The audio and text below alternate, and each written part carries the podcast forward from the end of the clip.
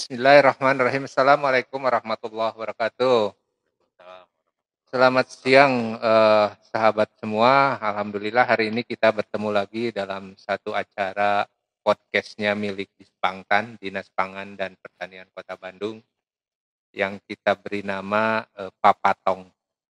Papatong ini panjangan dari Pamarentah, Patani, dan Inohong. Jadi intinya kita ingin membicarakan eh, apa seputar tentang pangan dan pertanian yang ada di Kota Bandung antara kita dari pemerintah, kemudian juga petani. Petani ini sebetulnya bukan petani secara murni, jadi pelaku atau yang punya minat siapa saja masyarakat yang ingin mengetahui lebih jauh apa itu pertanian dan pangan di Kota Bandung khususnya termasuk para tokoh Inohong. Ini juga bisa siapa saja yang punya eh, kemauan atau punya punya minat begitu ya terhadap pertanian. Jadi kita bicara sepanjang atau sekelumit atau seputar eh, pangan dan pertanian. Dan kita bersyukur eh, di dalam masa pandemi ini kami dari Dispangtan masih bisa memberikan sedikit sumbangsih tukar menukar informasi, memberikan pengetahuan dan tentunya sharing dengan semua warga Kota Bandung atau siapa saja yang mendengar acara ini berharap bahwa tentunya bisa mengambil hikmah atau manfaat dari pertemuan hari ini. Ya, jadi seperti yang sudah atau biasa kita lakukan, eh, hari ini kita akan sedikit apa ya, sedikit eh, apa agenda baru gitu ya walaupun tetap bicara tentang dinas pangan dan pertanian khususnya itu kita akan bicara yang namanya RPH gitu. RPH rumah potong hewan nah mungkin sebagian dari sobat papatong baru mendengar atau apa itu eh, rumah potong hewan tuh kemudian juga apa di Bandung memang ada terus apa fungsinya dan sebagainya nanti kita bahas sekarang saya ditemani oleh eh, namanya Pak Endang. Jadi karena saya orang Sunda namanya Endang. Kalau tadi nyebutnya Endang. Pak Endang ini sebagai Kepala UPT Unit Pelaksana Teknis Rumah Potong Hewan di Spangta. Jadi Dinas Pangan Pertanian ini punya urusan yang begitu luas, urusan tidak hanya urusan pangan, urusan peternakan, eh, urusan perikanan dan urusan eh, peternakan. Dan dalam urusan peternakan ini ada salah satu fungsi bagaimana supaya ternak atau daging yang beredar khususnya di masyarakat seperti daging sapi katakanlah itu memang dalam kondisi yang eh, sehat dan eh, terjamin sehingga kita perlu perlu menjamin itu dengan melaksanakan pemotongan di rumah potong hewan. Nah, sebelum bicara lebih banyak nanti jadi malah saya yang bicara banyak.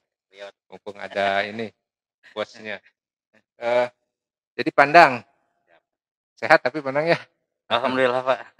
Cocok jantan kepala RPH rumah potong hewan.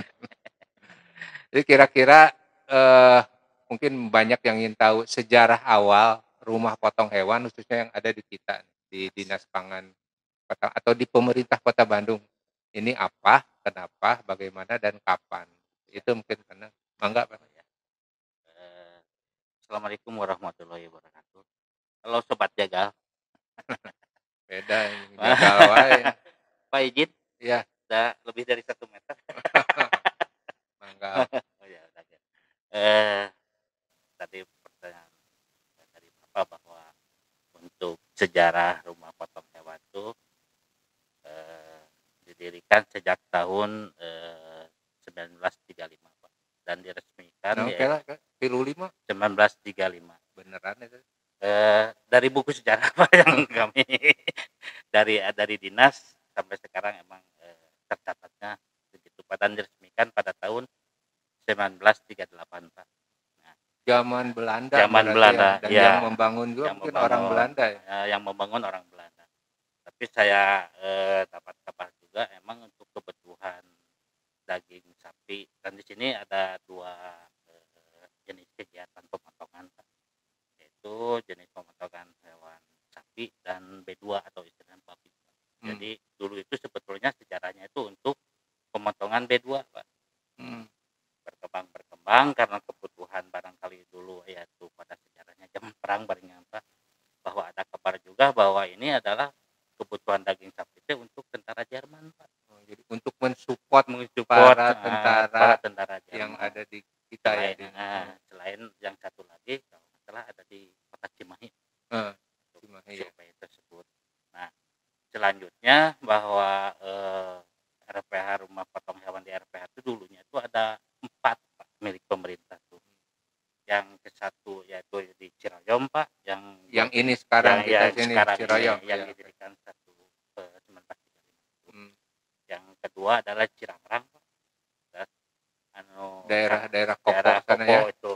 Hmm. Yang ketiga Setiabudi yang dari Setiabudi. NAI. Eh, Terus yang keempat adalah dekat Pasar Kiracondong. Nah, Hmm. yang aktif sekarang hanya dua. Eh, Hmm. Ciroyom Di dan sini. Cirangrang. oke Di mana yang eh, jadi yang dimiliki oleh pemerintah kota itu hanya dua RPH sekarang dua RPH. Empat. Hmm. Terus eh, emang kalau luasan barangkali ya Pak ya, luasan dari rumah potong hewan untuk eh, ini eh, hasil hitungan dari data yang kami miliki yaitu luasannya hampir 20.000 lebih meter persegi. ini untuk Untuk dua dua rumah potong hewan dua rumah atau potong dua- hewan dan perkantoran. Hmm. Kita- itu untuk seluas itu untuk bisa memotong berapa kapasitasnya berapa? Kalau untuk rumah potong sapi Pak rata-rata 200 dalam dua apa dalam sekali motong eh, 40 bisa Pak dalam Sekali waktu yang motong. bersamaan Oh, kalau misalnya jadi motong massal bisa sampai motong 40 ekor bisa. Eh, kalau eh, di B2 pemotongannya satu-satu Pak Hmm, Jadi, eh, karena nggak bisa kayak sapi gitu ya hmm. sambil bersamaan pemotongan kalau di B2 Hmm. Itu eh, terus eh, selanjutnya bahwa Cirangrang itu untuk Cirangrang Pak yang sekali mulai aktif itu dulunya sejarahnya itu serah terima dari Kabupaten Bandung Pak Hmm. Dan, pantesan posisinya ada ya, perbatasan dengan atas- kabupaten dulu ya. ya, karena ada perkembangan wilayah kota Bandung Hmm. Pak itu diserahkan pada tahun 1993 Pak Hmm. dengan luasan tiga ribuan tiga ribu. Ya alhamdulillah sekarang masih aktif itu Fungsinya yang di Cirangrang itu untuk sapi ya. untuk sapi ya Hmm. ya itu untuk sejarah terus eh, selanjutnya yaitu karena perkembangan dan kebutuhan eh, RPK baru ya Pak ya, bahwa pada tahun 2008 di- terbentuknya UPT RPH Pak. Hmm. berdasarkan eh, Perwal nomor 265 tahun 2008 eh, terbentuklah UPTRP. Berarti UPTRP baru berdiri itu tahun 2008. Jadi ini pandang jadi ya tadi sejarahnya ternyata memang ini peninggalan Belanda dihususkan untuk mensupport kebutuhan, Kebutuhan. makan mungkin ya para Iya. penjajah dulu yang tapi bukan di sini sebetulnya tinggalnya di di Eh, Priuk ya di yang di Priuk. Jakarta. Oh, ya. terus, Jadi terus. pemotongannya di sini, hasil sini diangkut Ke ke Priuk Priuk, karena ya. Posisi RPH-nya itu memang makanya kebetulan atau diposisikan dekat dengan dengan stasiun kereta api. rel kereta api Nah, ya. Jadi eh, distribusinya lebih mudah, eh, ulang aliknya lebih mudah dan lebih cepat. Jadi, Nah, Betul, dalam perkembangannya ini menjadi bagian eh, apa? Bagian UPT atau UPT. bagian dari dinas yang tujuannya sebetulnya dibentuk RPH itu bagi pemerintah itu apa sebenarnya? eh, tujuan menyediakan Pak eh, pelayanan terhadap daging yang halal, aman, utuh dan sehat. Halal, halal, aman, aman, utuh dan sehat. utuh dan sehat. Ya. Halal, aman, Atau utuh. disingkat haus. Haus. Haus. Jadi kumaha itu halal, aman, utuh Kalau- deh.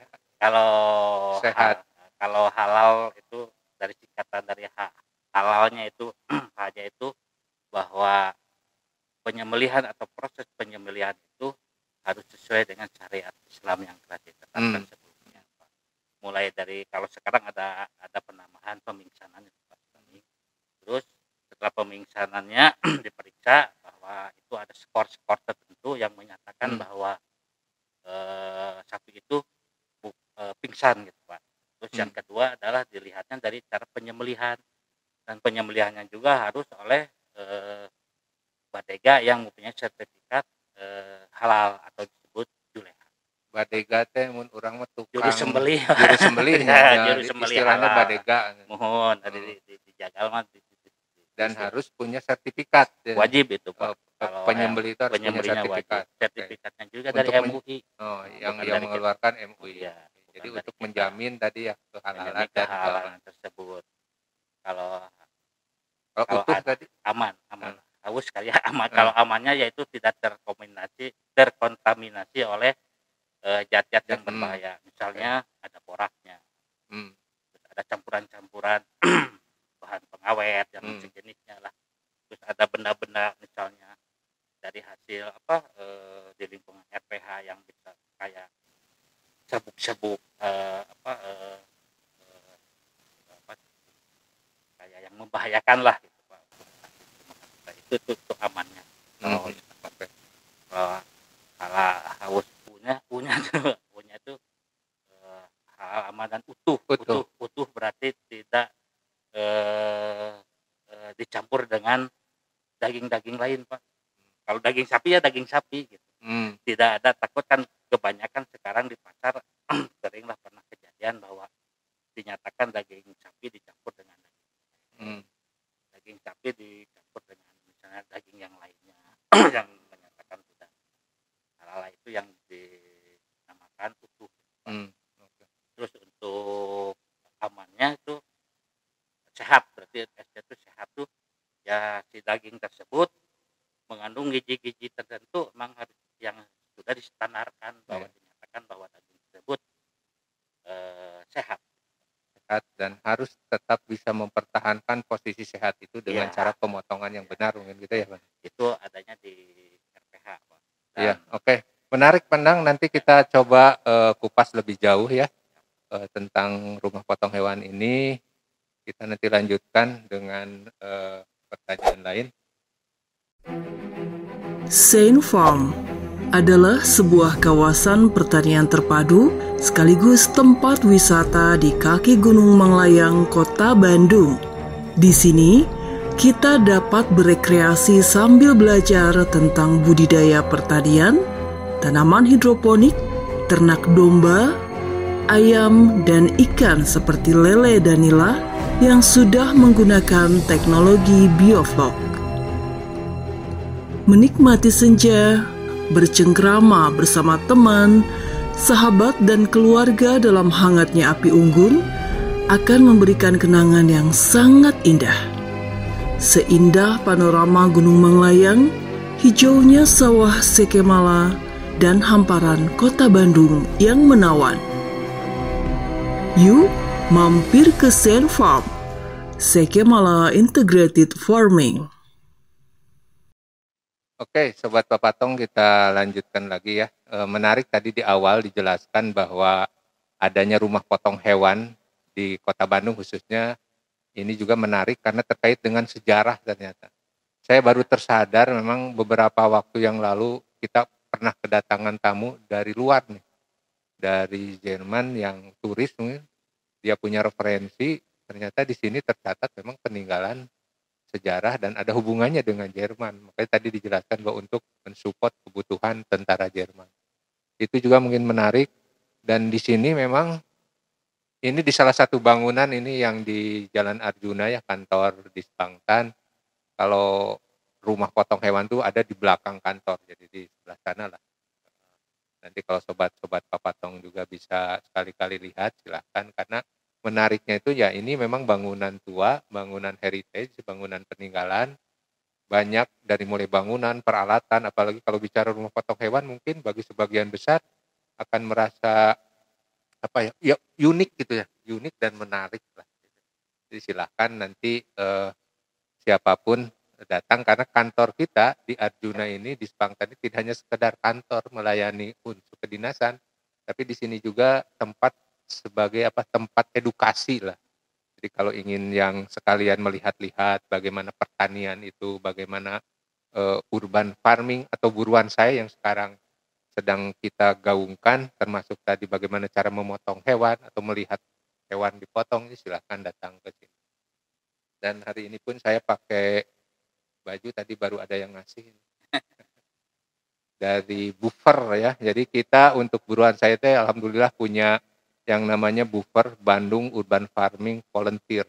Jadi dari beberapa kelompok masyarakat yang punya inisiatif semangat membentuk kelompok untuk sama-sama dengan kita membangun eh, buruan saya tetap dikawal dan menjadi ketujuan dari pemerintah kota. Oke, kita lanjutkan pandang tadi tentang rumah potong hewan sudah dijelaskan tadi sejarahnya. Sekarang eh,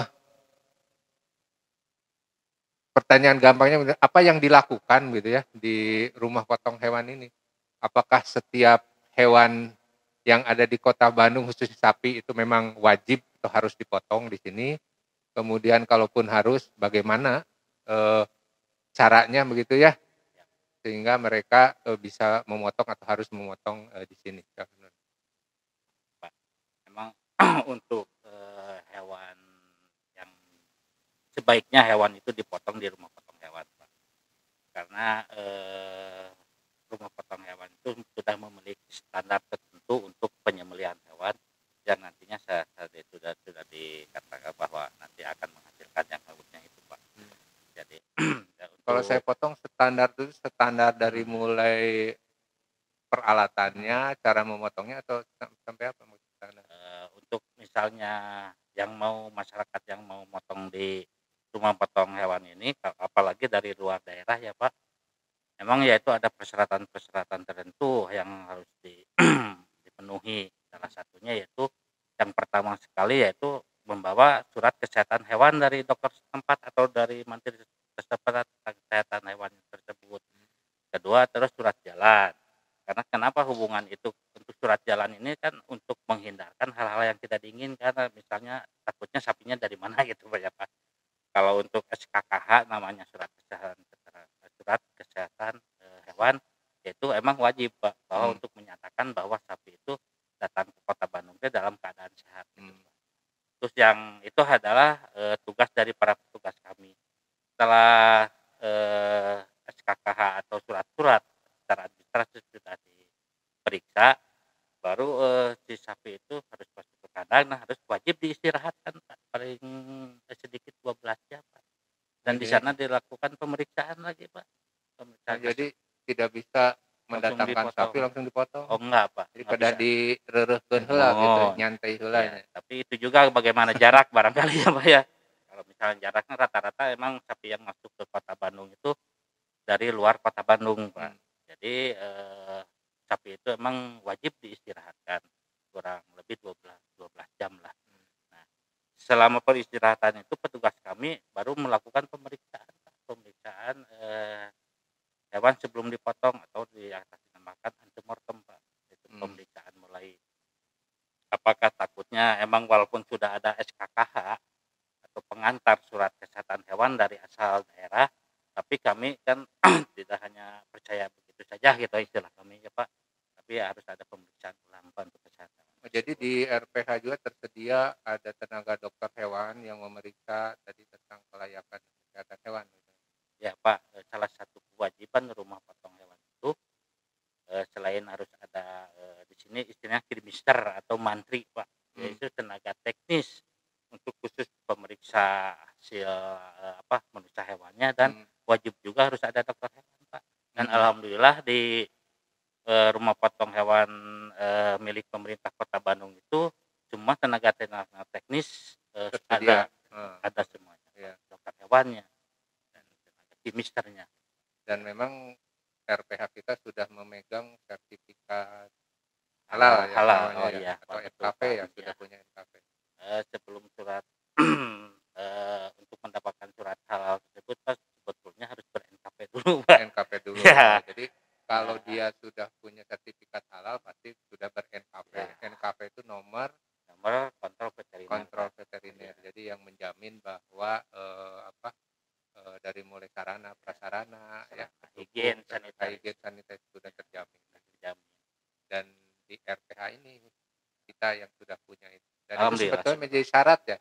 Ya, Pak. E, karena ternyata kalau tidak salah tidak semua RPH juga sudah memiliki itu ya sudah punya apa sertifikat SKP halal dan, dan NKV ya. sertifikat halal. Ya yang saya ketahui Pak kabar dari terakhir bahwa untuk wilayah Bandung Raya yang mempunyai sertifikat halal eh, baru Kota Bandung Pak. Dan Hmm. NKP yaitu untuk RPH Cireum 1 dan Cireum 2 Pak. Hmm. Jadi sebetulnya alhamdulillah lah kalau misalnya masyarakat eh, apa ya harus mengetahui bahwa mendapatkan NKP itu tidak semua RPH dengan mudah mendapatkannya Hmm, gitu, iya, iya. Jadi jaminan mutu lah jaminan mutu mohon. Pak Insya Allah Pak motongnya di Cirayam gitu Iya, oke. Hmm. Dan sehari rata-rata berapa Pak? Dan dari mana saja gitu sapi berasal itu? Apakah dari sapi lokal atau dari mana ya? untuk saat ini ya Pak Iya. untuk saat ini emang eh, dengan adanya eh, apa eh, terjadinya wabah virus eh, COVID ini rata-rata pemotongan menurun Pak dari rata-rata per hari itu mencapai 70 Pak sebelum adanya 70 ekor 70 per ekor hari. per hari. Sekarang untuk 2 RPH itu hanya 45 ekor per hari, untuk dua RPH. hampir 35 persen lebih. Hmm. Itu sapinya dari mana rata-rata? Kalau asal sapi itu kebanyakan yaitu kita itu memasok dari luar kota Bandung Pak, malahan dari luar kota Jawa Barat. Kalau luar dari Jawa Barat yaitu dari Lampung Pak, biasanya. sapi asal Lampung. Pas sapi asal Lampung tapi jenis sapi BX Pak. Hmm. Tapi rata-rata emang terus yang kedua adalah dari dalam Jawa Barat sendiri, Pak. misalnya dari eh, Garut, dari Kabupaten Bandung, dari Subang. Pak. Hmm. Nah, tapi jenis sapinya ini Pak, jenis sapinya emang di Cirayom ini kebanyakan jenis sapi Australia Hmm. yang hampir 90 98 persen lah. Kita itu mengandalkan sapi Australia, sedangkan untuk lokalnya itu sisanya Pak antara satu dua ekor per hari. Hmm. hmm. Jadi kita sangat tergantung terhadap sapi Australia tersebut. Pak. Kenapa itu karena karena memang banyaknya atau murah atau memang lokal belum bisa memenuhi kebutuhan sendiri. Kalau dari segi harga bersaing ya Pak ya tidak jauh Hmm. lah. Tapi ini yaitu karena emang lokal tidak bisa memenuhi kebutuhan Hmm. akan daging sapi Hmm. eh, wilayah Bandung Raya gitu. Hmm. Terutama ya Jabodetabek. Dipotong di sini itu ada kena cas kena biaya nggak kalau Oh, kita Oh iya Pak. Emang untuk pemotongan di sini tuh kalau kita memang memotong di rumah potong hewan tuh ada dua jenis pembayaran. hmm. Ada yang sah secara eh, perwal dan ada yang eh, bukan pungutan dari kita, tapi kita bicara jumlah keseluruhan ya ya. Kalau yang sah menurut kita yang berdasarkan perwal mah yaitu sebesar 35.000 Pak. Kemarin 35 ya, itu, dengan aturan sekarang ya, Ya, dan belum berjalan ya. ya. Sebelumnya 30 ribu satu 30.000. ekor. satu ekor. Jadi Pak. kalau tadi katakanlah 70 ekor dikali 30 aja berarti hanya 2 juta 100 2 juta 100. Belum pendapatan itu dari pemotongan. tambah B2-nya Pak. Hmm, Nah, oke. Sekitar 3 juta setengahan Pak sekarang. Nah, tadi bicara naik turun ya eh, jumlah termasuk harga apalagi dengan kondisi sekarang ya. Kira-kira apa yang penyebabnya yang eh, apa yang menyebabkan harga naik atau turunnya eh, daging sapi? Kalau emang akibat eh, kenaikan daging sapi di pasaran tuh yang saya ketahui itu Pak asalnya itu jadi ada kenaikan sapi hidupnya dulu Pak. Dari sapi hidup. Sapi Hmm. hidupnya dulu. misalnya contoh yang terjadi sekarang ini misalnya dari Australianya misalnya sapi hidupnya sudah naik untuk dikirim ke Indonesia apalagi dolar ikut naik Pak Hmm. secara otomatis eh, kalau bandar-bandar atau di sini disebut feedlotter yang menjual sapi hidup untuk dipotong di RPH ya ter, terikut imbas juga terhadap kenaikan daging jadi pada dasarnya yaitu yang saya amati sekarang itu gara-gara adanya kenaikan sapi hidupnya Pak. Kalau jumlah menentukan juga ke harga nggak? Bisa, Misalnya Pak. turun. Oh, ya jumlah juga bisa misalnya misalnya udah, eh, kalau jumlah berkurang kebutuhan banyak otomatis pasti Hmm. salah satunya itu ini terjadi juga sekarang benar Pak Eh, iya. bahwa jumlah sapi Kum- untuk ekonomi ya. Assalamualaikum, Sampurasun lagi Bandung. Ada info penting nih. Kini telah hadir media informasi lengkap tentang buruan saik Integrated Urban Farming. Media ini berisikan tentang modul dan kegiatan buruan saya pertanian kota terintegrasi yang diramu dalam bentuk yang mudah dipahami dan kekinian loh. Sebagai bentuk dukungan program inovasi Kota Bandung, kami mengundang Polwardi semua untuk mengunjungi laman website di sini. Nah, jangan sampai informasi penting buruan saya ini berhenti di kamu ya. Mari kita sebarkan kepada teman-teman dan mari kita sukseskan program buruan saya di Sepantan Juara. Terima kasih. Assalamualaikum. Ya oke okay. tadi bicara banyak tentang apa eh, peran eh, RPH karena apa yang dikerjakan. Nah yang terjadi sekarang eh, kita juga ingin tahu dan masyarakat tentunya juga ingin tahu apalagi dengan kondisi-kondisi hari ini atau kemarin pernah terjadi begitu tinggi harga sapi ya tapi kadang-kadang juga eh, harga sapi ya turun atau paling tidak harga normal. Nah, kira-kira yang biasanya yang menyebabkan perubahan harga atau naik atau turunnya harga daging sapi ini disebabkan oleh apa kan? ketahui penyebab dari kenaikan eh, harga daging sapi di pasaran itu eh, yang saya dapat amati adalah ada adanya kenaikan dari sapi hidupnya pak. Hmm. Nah, Terus yang perlu masyarakat ketahui juga bahwa pemotongan hewan sapi di kota Bandung ini tergantung terhadap sapi dari luar negeri pak dari Australia. Oh, jadi kebanyakan sapi yang didatangkan memang asalnya sapi hidup bukan dari daging beku ya? Atau ya pak untuk DRPH. untuk DRPH sapi ya, hidup. Pak, sapi hidup. E, dengan adanya kenaikan atau naik kalau turun jarang ya pak ya hmm. kalau naik naik itu kayak kejadian sekarang kan eh, harga daging sapi hampir di kisaran 120 yang sebelumnya di antara di kisaran 110 atau 100 100 atau 100 normalnya 100 normalnya, sampai ya, 110 uh, per kilo ya per kilo daging ya di tingkat, di tingkat pasar berarti pasar, ya, Pak, itu tingkat pasar. saya nanyain kenapa ke para pengusaha ternyata emang ada kenaikan sapi bakalannya di Australia Pak. Sapi bakalan itu sapi hidup. Sapi hidup hmm. yang di mana sapi bakalan tersebut memang ada dikirim ke Indonesia untuk digemukkan. Hmm.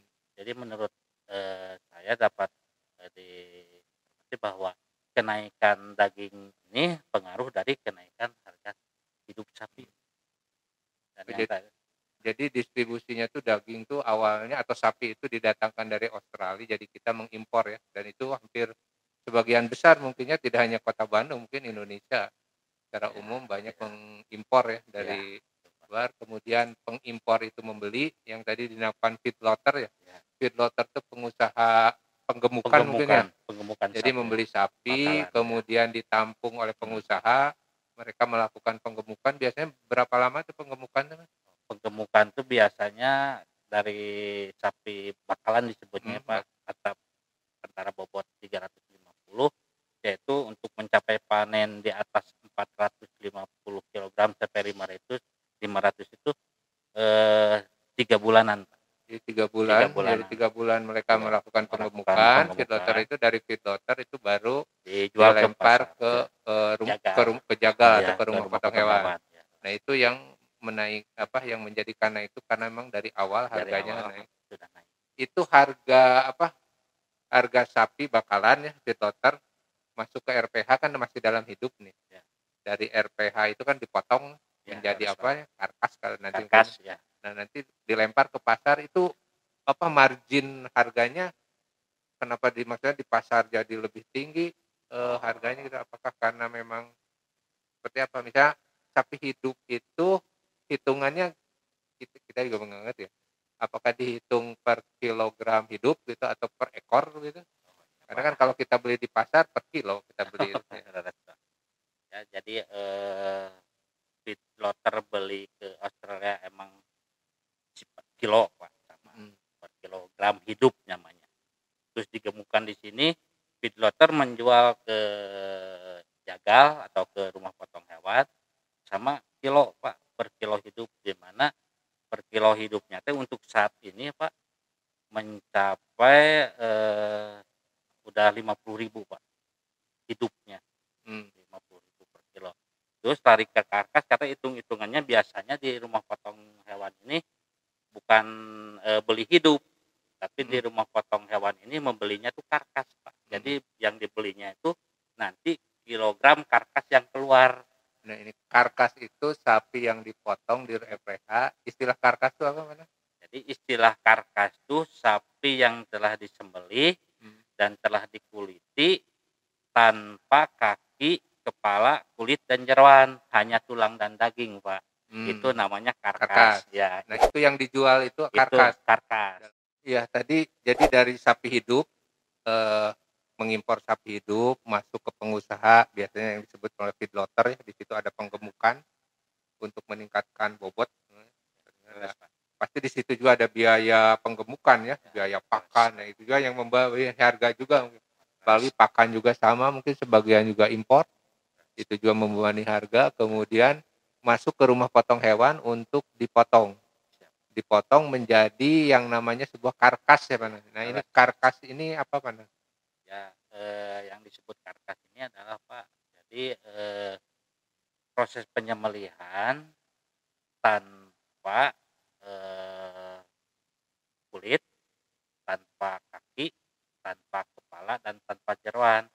Yang tersisa adalah hanya tulang dan daging itu Hmm. namanya karkas istilah di rumah potong hewan pak Kalau tadi eh, harga hidup itu katakan 50 ribu per kilo ya. Kalau sudah menjadi karkas itu biasanya hitung-hitungannya berapa? hitung-hitungannya itu eh, 50% Pak sebetulnya. Tapi eh, biasanya kalau 50% dari karkas itu rata-rata karkas dijual sekarang pasaran 94 kan Pak. 94 ribu. 94.000 Jadi kalau karkas. 50 ribu dari Ya, hidup menjadi karkas 9 hampir dua kan. kalinya tadi. Ya, tapi hampir dua kali antar 100 sebetulnya. Hmm. Tapi kebetulan di itu hitung-hitungan biasa gitu ya Pak. Iya. Tapi untuk tapi Ya. untuk normalnya itu ya di sekarang pasaran eh, karena kenapa enggak 50.000 ribu gitu Pak Hmm. untuk menekan juga harga daging di Oke. pasaran. Oke. Dari karkas itu kemudian masuk ke pasar ya. Eh, karkas masuk ke pasar Pak. Nah, baru di situ dijual Masuk di per, situ eh, dijual kilo daging. daging. Nah itu yang tadi harga naik menjadi 120 tuh ya Iya Pak. harga di situ. Nah, iya Ah. Pak. Jadi akhirnya kalau emang karkas 94 rata-rata eh, 30 sampai 40 Hmm. persennya itu harga daging. Pak. harga daging. Jadi di kisaran sekitar 100. Jadi rantai distribusi juga mempengaruhi ternyata ya. ke Ya, harga harus, ya, Pak. Pak. Nah oke, Eh, mudah-mudahan nih sedikit aja lah mungkin kalau soalnya kalau bicara banyak banyak nih nggak akan selesai-selesai. Nanti kita sambung lagi lah.